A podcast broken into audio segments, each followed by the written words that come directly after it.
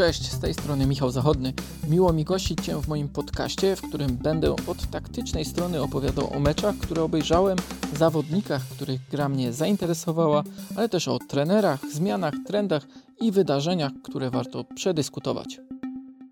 W dyskutowaniu o przemianach drużyn, tych dotyczących stylu gry, wyników konkretnych piłkarzy czy pomysłów stosowanych przez trenera, najciekawsze jest poszukiwanie momentu, od którego wszystko się zaczęło. Często jest to moment zmiany szkoleniowca, jak choćby w przypadku Chelsea, albo transfer konkretnego zawodnika, czego przykładem jest rola Bruno Fernandesza w Manchesterze United.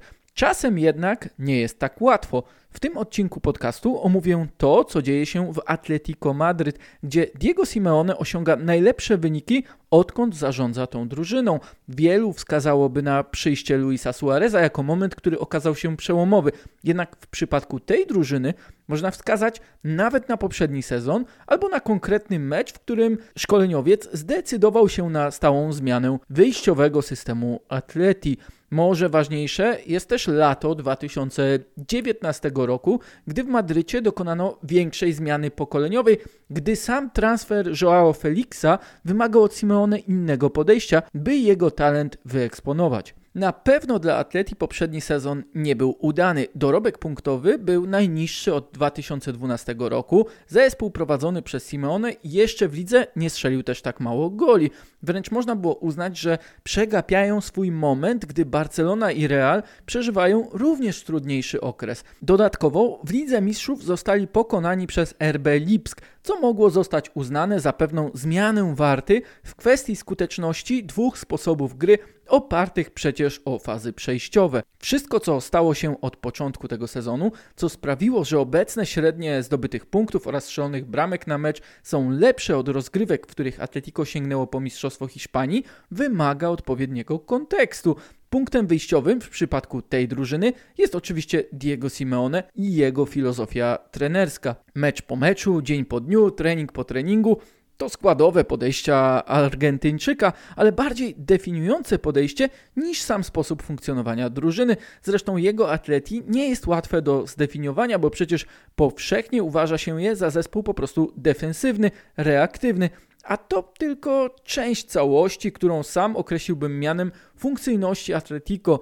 Role na poszczególnych pozycjach są jasno zdefiniowane, każdy wie, co ma robić, ale jest w tym także różnorodność zastosowania piłkarzy, ale też sposobów pressingu czy atakowania. Oczywiście nie jest to ekipa kompletna, ale sam Simeone swoje podejście określa jako bycie kameleonem, czyli dostosowywanie się do warunków meczowych, zdobywanie bramek na różne sposoby. Tak też wyglądała jego drużyna z sezonu 2013-14, gdy zdobywała Mistrzostwo Hiszpanii. Jednak Simeone wcześniej w tym sezonie przyznał, że obecny zespół nie przypomina tamtego Atletico.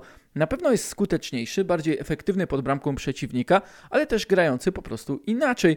I w tym względzie mamy dwa punkty odniesienia warte przeanalizowania. Pierwszym z nich jest rola napastnika, drugim system, w jakim gra Atletico. Może wydawać się, że powinno być na odwrót, że w filozofii Simeone żaden zawodnik nie jest ważniejszy od systemu. To jednak nieco złudne, gdy weźmie się pod uwagę prosty fakt. Jakikolwiek system ma wyciągnąć z jednostki to, co najlepsze. Pewnie bez Luisa Suareza, którego letni transfer już dziś można uznać jednym z najlepszych dokonanych latem w całej Europie, styl gry Atletico by się nie zmienił, zwłaszcza, że rola napastnika bywała inaczej zdefiniowana. Posiadanie w ataku Alvaro Moraty czy Diego Costy wymaga innego rodzaju grania niż z 34-letnim Urugwajczykiem. Simeone poprzedni sezon, gdy wspomniany duet stanowił o sile, czy też raczej bezsilności ataku, wspomina jako frustrujący. Był to sezon niewykorzystanych szans. Czterech z pięciu najlepszych strzelców Atletico miało zresztą dorobek bramkowy niższy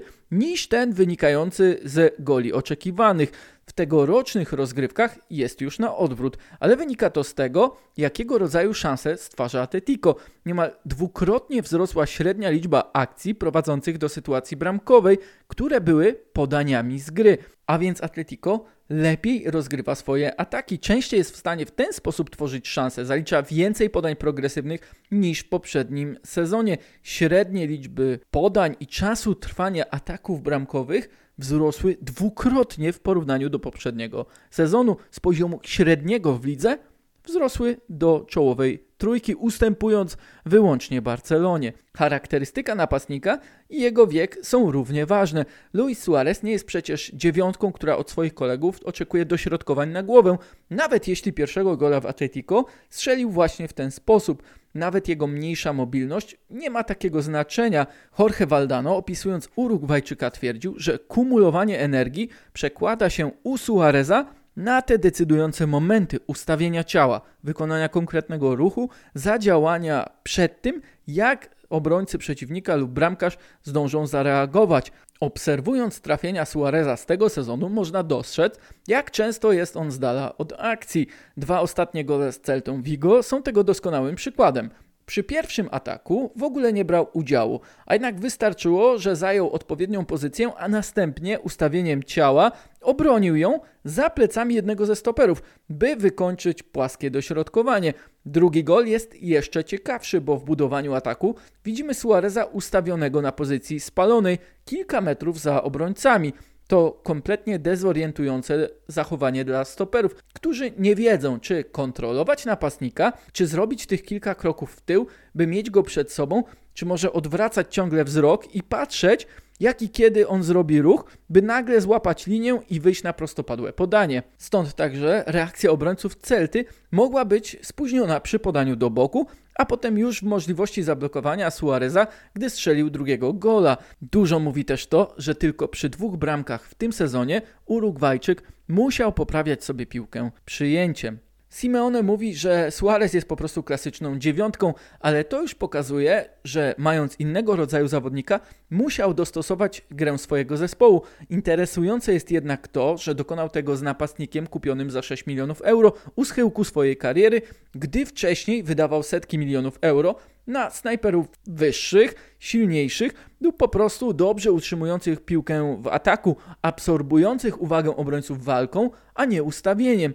Nawet porównując statystyki Suareza z tym, jak grał w Barcelonie, widać, że znacznie rzadziej uczestniczy on w rozegraniu ataków, skupiając się właśnie na tym, by jego liczby strzałów czy po prostu jakości szans, w jakich się znajduje, były jak najwyższe. To jednak wciąż tylko wyimek zmian, które Simeone dokonał w tym sezonie pod swoich zawodników. Warto wrócić do meczu z Cadiz e, na początku listopada, bo to faktyczna skrajność. Wtedy Atletico zaliczyło najwyższe, aż 67% posiadanie piłki.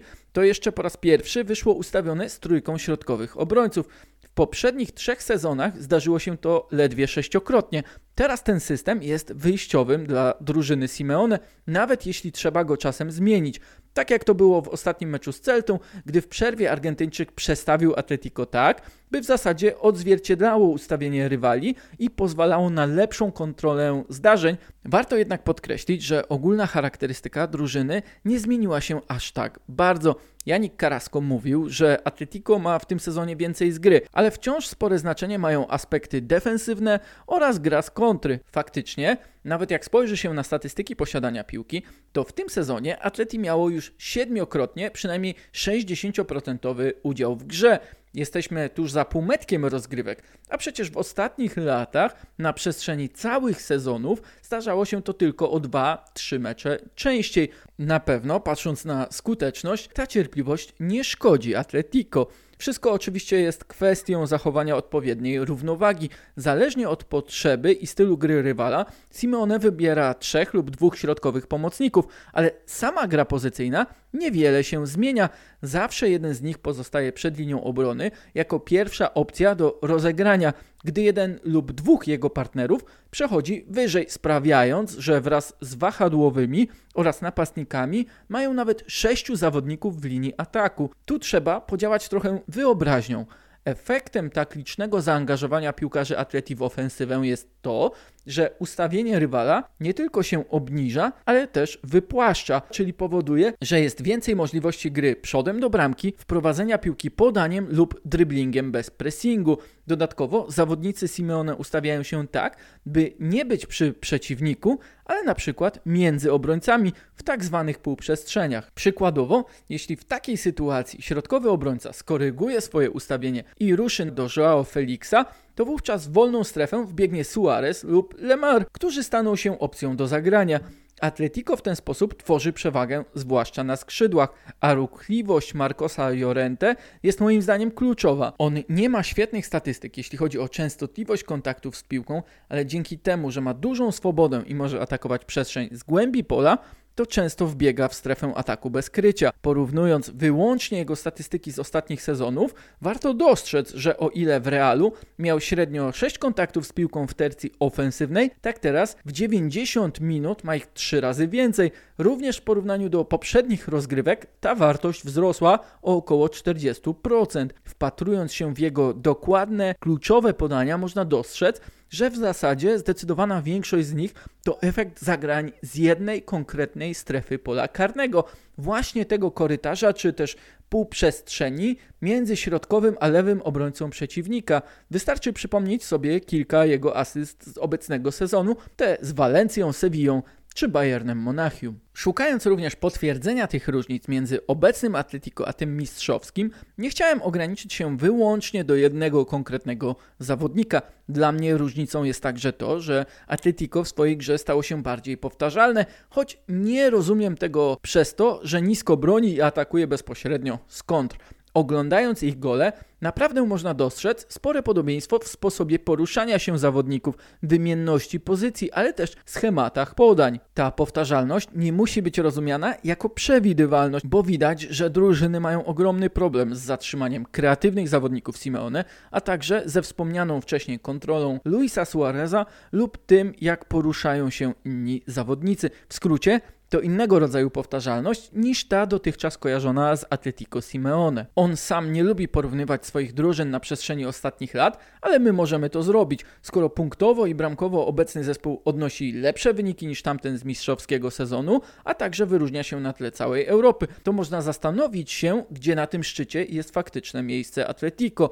I tu myślę, że tkwi ich siła. Oni wciąż się w tym stylu gry rozwijają. Te zmiany jeszcze się na tyle nie zakorzeniły, by można można je uznać za całkowicie schematyczne i też łatwiejsze do zatrzymania. A fakt, że ostatnio Simeone potrafił w przerwie zmodyfikować ustawienie z korzyścią dla atleti, pokazuje, jakie są ich faktyczne możliwości. A wszystko to w obliczu dosyć poważnych problemów kadrowych lidera Ligi Hiszpańskiej. Interesujące jest jeszcze to, że Atletico oszukuje modele punktów oczekiwanych. Mają ich o 13 punktów więcej niż wskazywałyby to wyliczenia portalu Understat.